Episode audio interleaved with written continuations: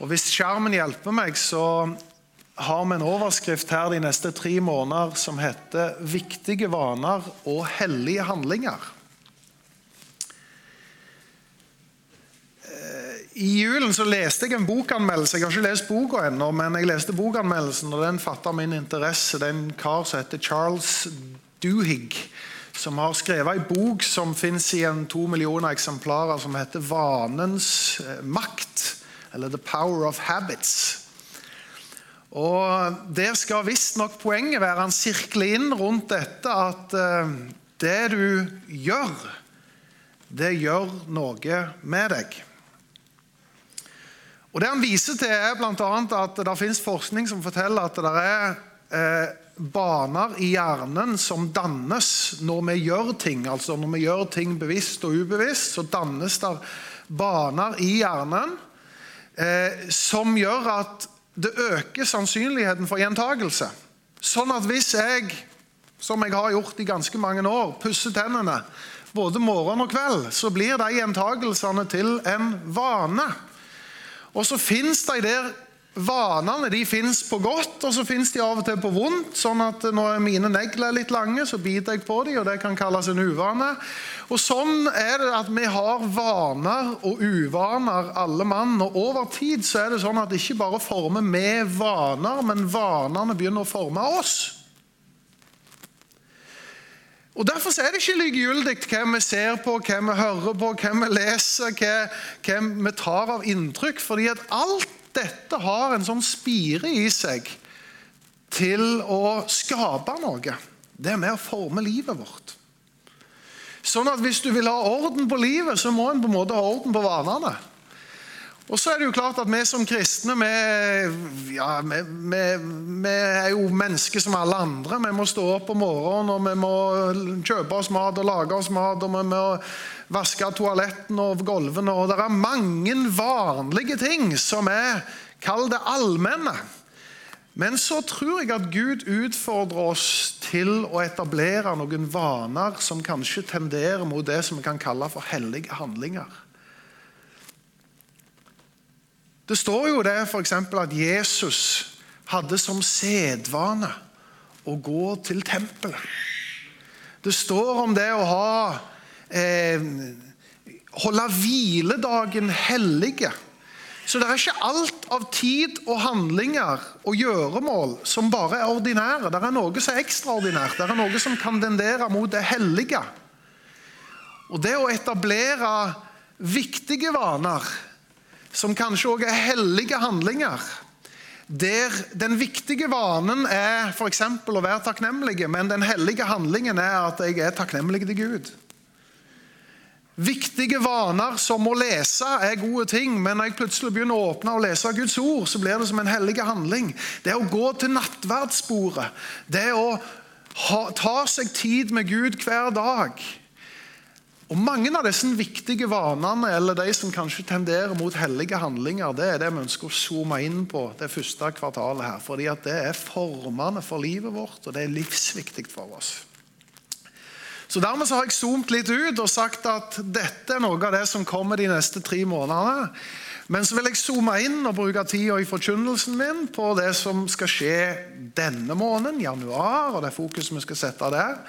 Og Da skal det være særlig fokus på bønn, innvielse og på faste. Vi skal ha en aksjon som egentlig setter i gang allerede i dag, da, og som varer nå de neste tre ukene til en slags finalegudstjeneste som vi har sammen for Riska oppe i kirka på slutten av denne måneden. her. Så Der går det an å segne seg opp på ulike måter. og Børge har sagt noe om det. Heftet her. Følg gjerne på Facebook, og det blir mest aktivitet på den Facebook-gruppa som heter Bønnehuset på Hommersåk. Så sign deg gjerne opp der, og, og, og bli med i, i, dette. Det er det som vi gir som oppfordring. Det som står på første sida i denne manualen, helt nederst, det er 'Jeg vil gi dere fremtid og håp'. Og Det blir en slags overskrift for denne måneden. For de eh, bibelkyndige og de som har vært eh, en del i kristen sammenheng, så kjenner de igjen dette som et bibelvers. Og Bibelverset det er jo henta fra Jeremias bok. Og jeg tror at eh, Dette er et løfte som vi kan ta til oss, alle som en. Jeg vil gi dere framtid og håp. Gud har jeg tror jo at Gud har mer for oss. Selv om Gud har gitt oss alt, så har han òg mer for oss. Han har mer for meg, han har mer for min familie, han har mer for vår menighet, han har mer for denne bygda, han har mer for dette landet. og Det er det jeg lener meg inn på og tror at Gud har mer. Der fins en fremtid av håp, og det er noe som jeg kan lene meg på og tro på og ta til meg. Samtidig er det sånn at Når dette bibelverset står i Jeremia 29, så står det i en sammenheng. Og Sammenhengen er den at Israels folk og Jerusalem er okkupert av stormakten Babylon. Og De har tatt folk til fanger, og ganske mange jeg tror det er titalls tusen mennesker som ble bortført fra Jerusalem og til Babel, storbyen Babel i Babylon. Og Der er de okkupert. De er ikke i sitt eget hjemland. De er undertrykt sånn sett. Og omstendighetene er krevende. Og Merkelig nok så sier Gud til de Jeremia at de skal slå seg til ro der. De skal bygge hus, og de skal gifte seg, og de skal få barn. Og de skal prøve å bidra til å gjøre det stedet og den byen de er bortført til, til et godt sted. Og et nøkkelting de utfordres til å gjøre, det er be til Herren for byen som jeg har bortført dere til. Og Så bringer han inn i samme den konteksten og sier Vit at det er framtid og håp for dere. Vit at jeg har en lys framtid for dere.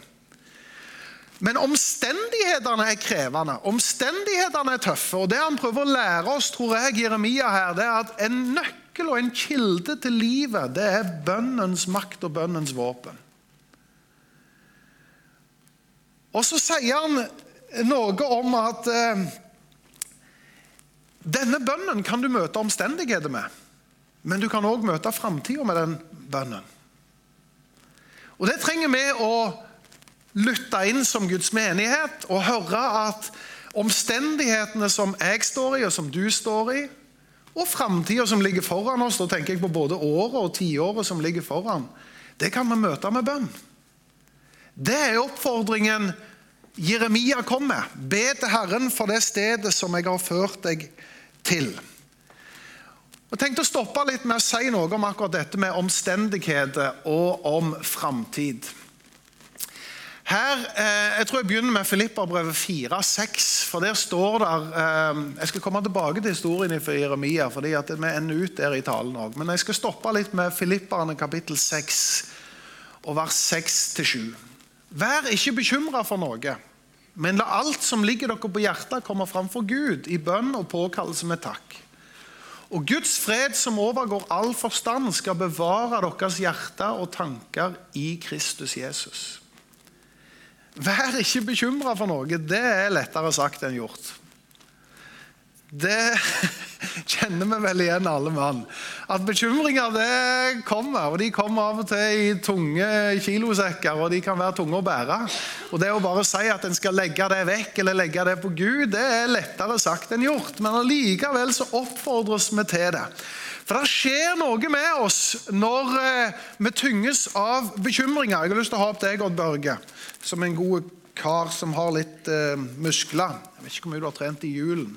Men jeg tenkte at jeg skulle be deg bare å bære den der saken der som en liten illustrasjon her, Anna. Altså, det som skjer når vi bærer på en del Å ja, du tok den lett, den. Ja. Nå vet jeg ikke hvor lenge, mye tid dere har der ute, men oss, hvis vi kan stå her og vente en halvtime, bare se hvordan det ligger an litt seinere. Greien er den at eh, altså, Det så faktisk litt lett ut når han bærte. Han har svintunge. Jeg eh, prøvde han sjøl her. Så det å stå her for lenge med bagasje, det kommer til å være krevende. Ja, jeg ser du begynner å merke det. Ja. Tingen er den at Sånn blir det ofte med bønnelivet òg. Hvis vi tynges av bekymringer, så vil ofte livet og bønnelivet utelukkende. Nei, du må holde den. Kom igjen. Ja. Må, det kommer til å handle utelukkende om det vi går og bærer på. Det er klart det er vanskelig for han å fokusere på alt han har i hjertet, alt som ligger i framtida, alle drømmene og visjonene. Og Hvis jeg møter ham på gata, så kommer ikke vi til å stoppe og radle en halvtime om alt han drømmer om og alt han har på hjertet. Hva er fokuset hans? Det er det som han bærer på. Det er det som han går og holder i hendene sine. Hvis du får sette det ned nå. Nå er jeg veldig gild med deg. Hvor mange har ikke opplevd det at av og til så kan bekymringene bli så tunge at det enten kveler hele bønnelivet Jeg orker ikke å be, jeg klarer ikke å be, fordi at jeg bare er opptatt av det jeg går og bærer på. Eller i beste fall så handler bønnelivet bare om å løse alle problemene jeg står i. Og jeg tror at bønn er rikere enn som så. Rikere enn at vi skal bare gi alle utfordringer vi har, til Gud og si 'løs det'. Det er en del av bønnen. Men her står det noe om at eh, Egentlig så er det i gresken her et, et, et, ordspill. Det kommer ikke så godt fram på norsk, men det der egentlig står på gresk, visstnok Jeg er kanskje gresk, men dette har jeg bare lest meg til. Det står om at legg Altså, eh, vær bekymra for ingenting, men legg alle ting. Vær bekymra for ingenting, men legg alle ting. Det handler om at eh, Gud vil møte oss i bekymringene, men bønnens liv er mer enn bare bekymringene. Det er òg det å få utøse hjertet vårt. Få si noe av drømmene. Noe av det vi vil skal prege liv og framtid, og det å bare øse ut og ha det fellesskap med Gud der alt som ligger på innsida her, kommer fram for Gud i påkallelse og med takk. Og Den rikdommen som fins i bønn, til at det er mer enn bare bekymringer når det jeg bærer på, til at det er et helt liv der jeg deler hjertet mitt, det innerste, har fellesskap med Gud. Visjonene, framtida. At jeg får øse det ut til Gud, det er noe av det bønnen gir oss. Jeg var i prat med ei dame rett før gudstjenesten her og sa at eh, det er fascinerende å vite det at eh, 365 ganger i Bibelen så står ordet 'frykt ikke'. Hvor mange dager er det i året sånn utenom skuddår? 365. Jeg vet ikke om Det, det kan være det er tilfeldig, og jeg skal ikke lage veldig, men det er en fascinerende tanke. At hver dag så har vi en mulighet til å komme fram for Gud med løfter om at vi ikke skal frykte. Med en overbevisning og et ord om at vi ikke skal bekymre oss, men at vi kan kaste ting på Gud. Og Det er en del av bønnens liv. Og det er klart at Derfor så skulle jeg ønsket at dette pulslaget her, det er det som får prege det nye året og framtida. Fordi at bønnen er kirkens åndedrett. Det er lungene. Det er, det er der vi puster, på en måte. Der livet leves ut ifra. Og Derfor så løfter vi opp bønnens perspektiv inn i et nytt år. Da vil kanskje noen si ja, men trenger vi å si bønneemnene våre til Gud? Han vet jo alt. Han kjenner vår situasjon. Må jeg liksom si det? Er Gud så begrenset at han ikke vet hva jeg har på hjertet? Har jeg sagt det én gang, må jeg si det to ganger? Hva, jeg mener, Er Gud tunghørt? Jeg hvis jeg har sagt det én gang, så trenger jeg ikke si det ti ganger til. vel? Og det er nok på et vis sant i den forstand at av og til så, og det finnes det bibelsk dekning for, at av og til så har vi ikke ord. og Da går, står det at Gud går i forbønn for oss, og, og, og, og, han hører til og med vårt sukk og stillheten og alt dette. Så det betyr ikke at vi alltid må si noe. Men det er akkurat som normalen er at Gud vil at vi skal si det. Tenk på en historie fra Markus kapittel 10, der der de er i Jeriko, og så er det Jesus som kommer inn i byen, og så sitter der en lam mann, eh, Bartimeus, langs veikanten. Og så er han desperat, og hans omstendighet er jo at 'jeg vil jo bli frisk'. Det forstår jo alle. Men hva er det Jesus kommer inn og sier? 'Hva vil du jeg skal gjøre for deg?' Altså, Jesus, er du helt tett i pappen, eller? Er det sånn at du ikke ser det? Det kan jo vi stille oss spørsmål om. Ser ikke Jesus hva Bartimeus vil?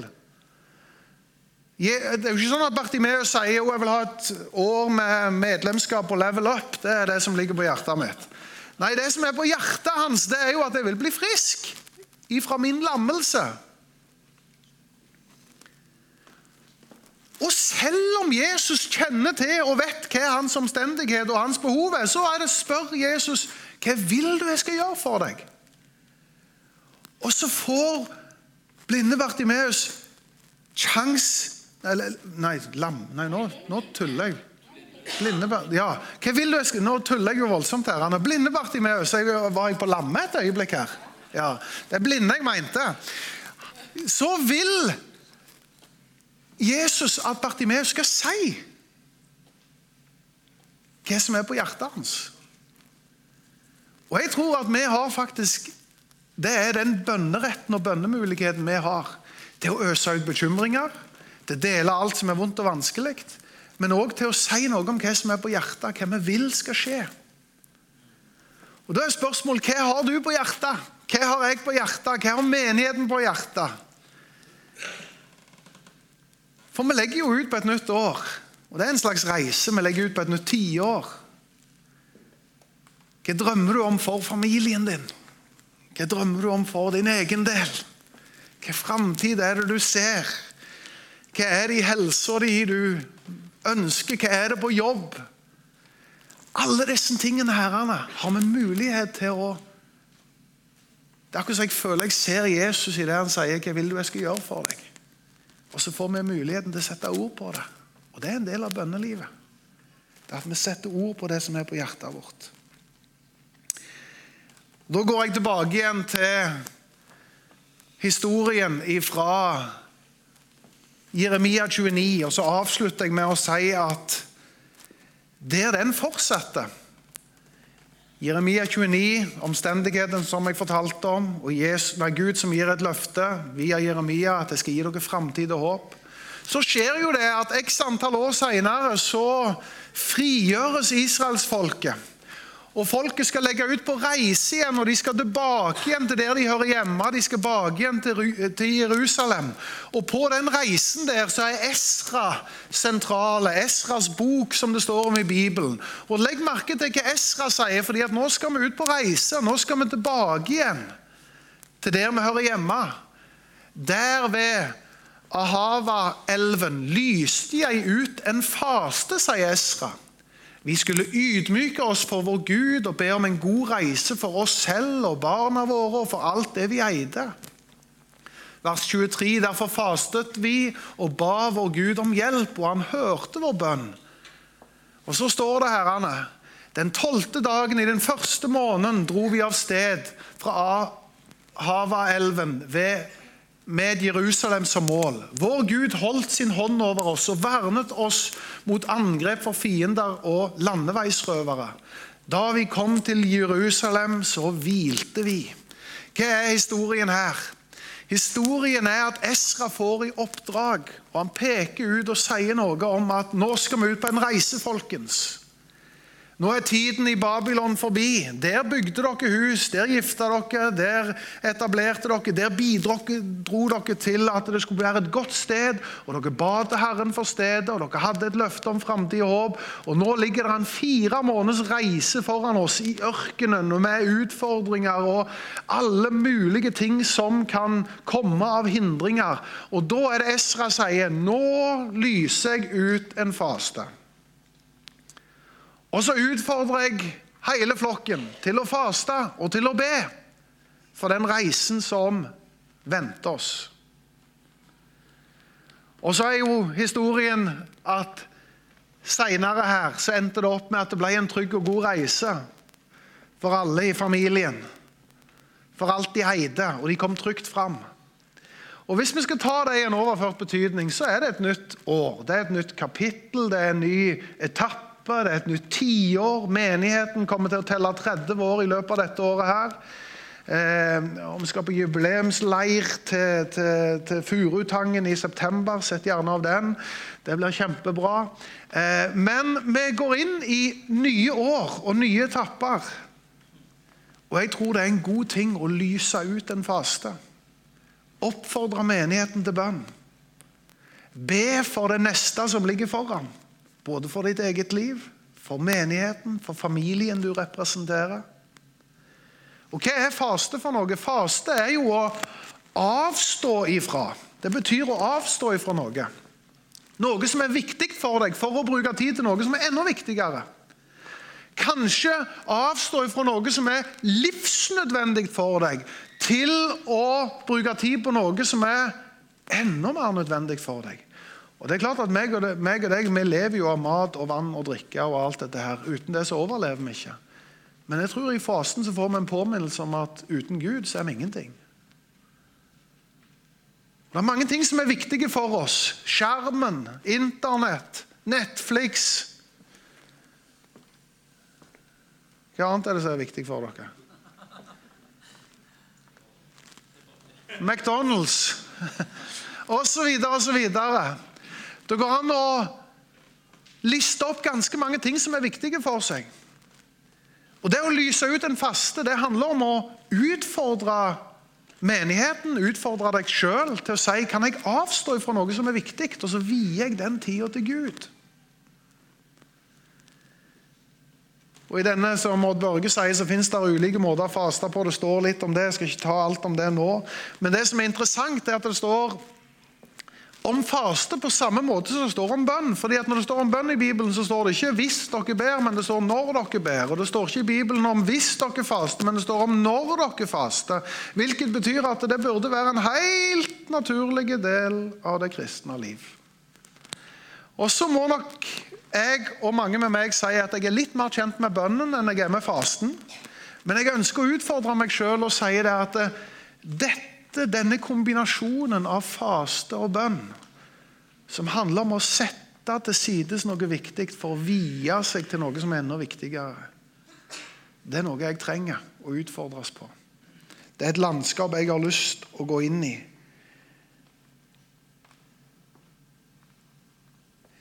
Og Da tror jeg det er viktig å si at uh, utfordre deg sjøl på et nivå der du klarer å hoppe over lista. Du kan jo begynne med å faste en hel natt, f.eks.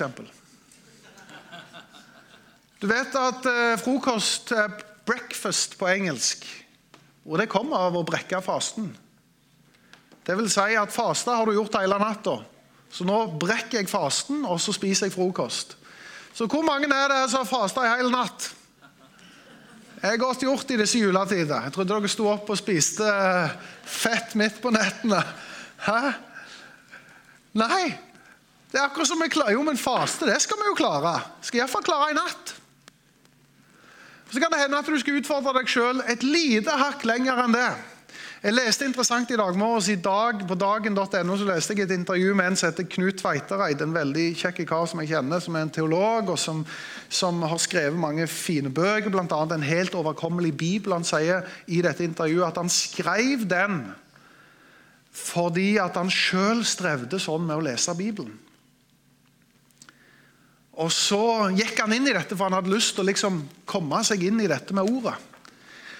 Og Så søkte han litt sånn rådgivning og hjelp av en kar som levde da, som heter Edin Løvaas. En del av dere som har eh, ja, eh, gamle i gamet her, kjenner til det navnet. Det var retreatens far i Norge. En eh, kar jeg òg har møtt. En kjempe kjempeherlige, nydelige bønnens mann.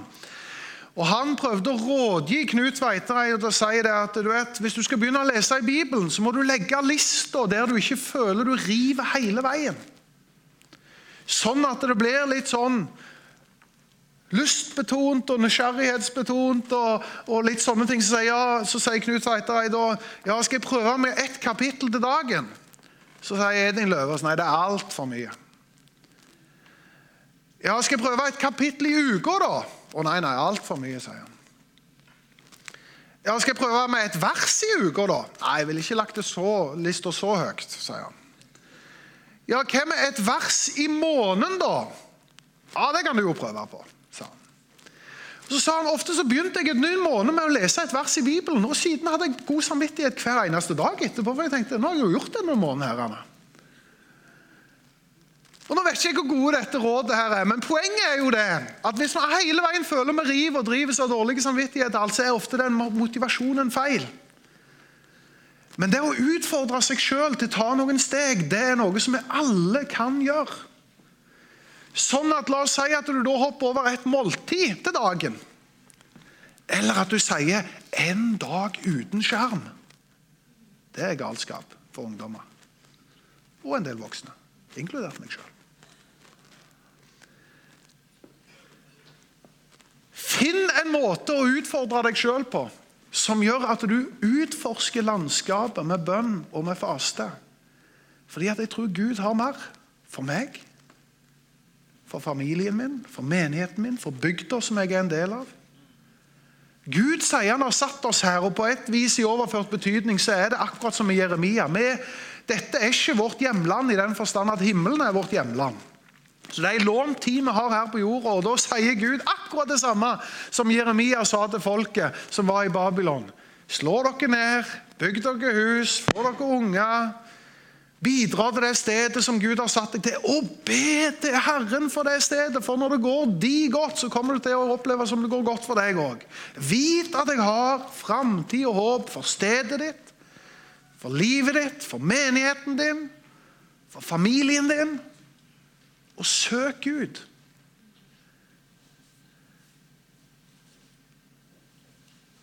En av de store farene for oss i rike Norge vestlige verden, som har overflod og overskudd av så mange ting, som f.eks. penger og midler, og er ressurssterke på så mange måter, det er det at vi tenker vi trenger ikke Gud, for jeg klarer meg godt i livet alene. Så det at jeg ikke er avhengig av Gud, det gjør at jeg ofte ikke tvinges på kne. Ofte så går jeg ikke bønnens vei. For jeg fikser og jeg får til, og jeg skal klare sjøl. Og jeg tror at Derfor så er bønnen en fantastisk kilde. Fasen en fantastisk kilde.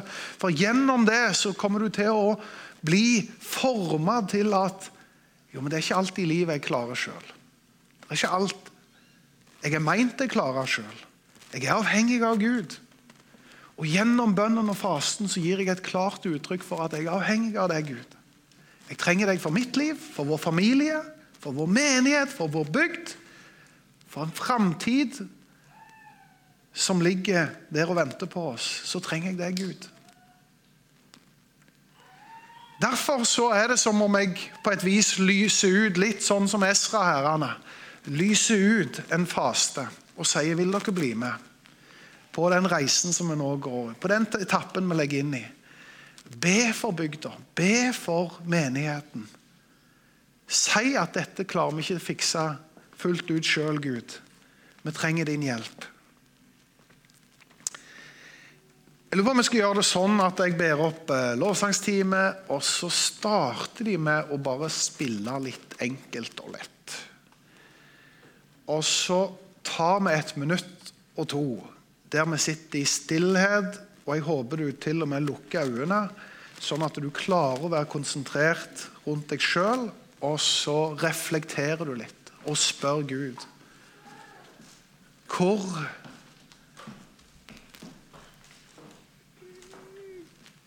Hvor skal jeg legge lista? Hva skal jeg gjøre i denne utfordringen som er gitt? Og Når du har tenkt litt på det, så kan du òg begynne å gruble deg fram til hva er det som ligger deg på hjertet. Hva er det som er mer enn bekymringene? som du kommer til Gud med? Hva er det som ligger på hjertet ditt? Hva er det du drømmer om for livet, for framtida, for menigheten? Hvis du klarer å øse ut det, så tror jeg at eh, du er godt i gang med et rik, rikere bønneliv. Så to minutts stillhet. Spør deg sjøl hvor skal jeg legge lista. Hva skal jeg bli med i dette? Og begynn å for deg sjøl sette ord på det som er hjertet ditt, det som er drømmen, det som er målet, det som er håpet for året og for framtida. For dine unger, for dine barnebarn. Og Da tror jeg du kommer til å kjenne at jeg trenger deg, Gud, for å fylle det som ligger i hjertet. For å møte det.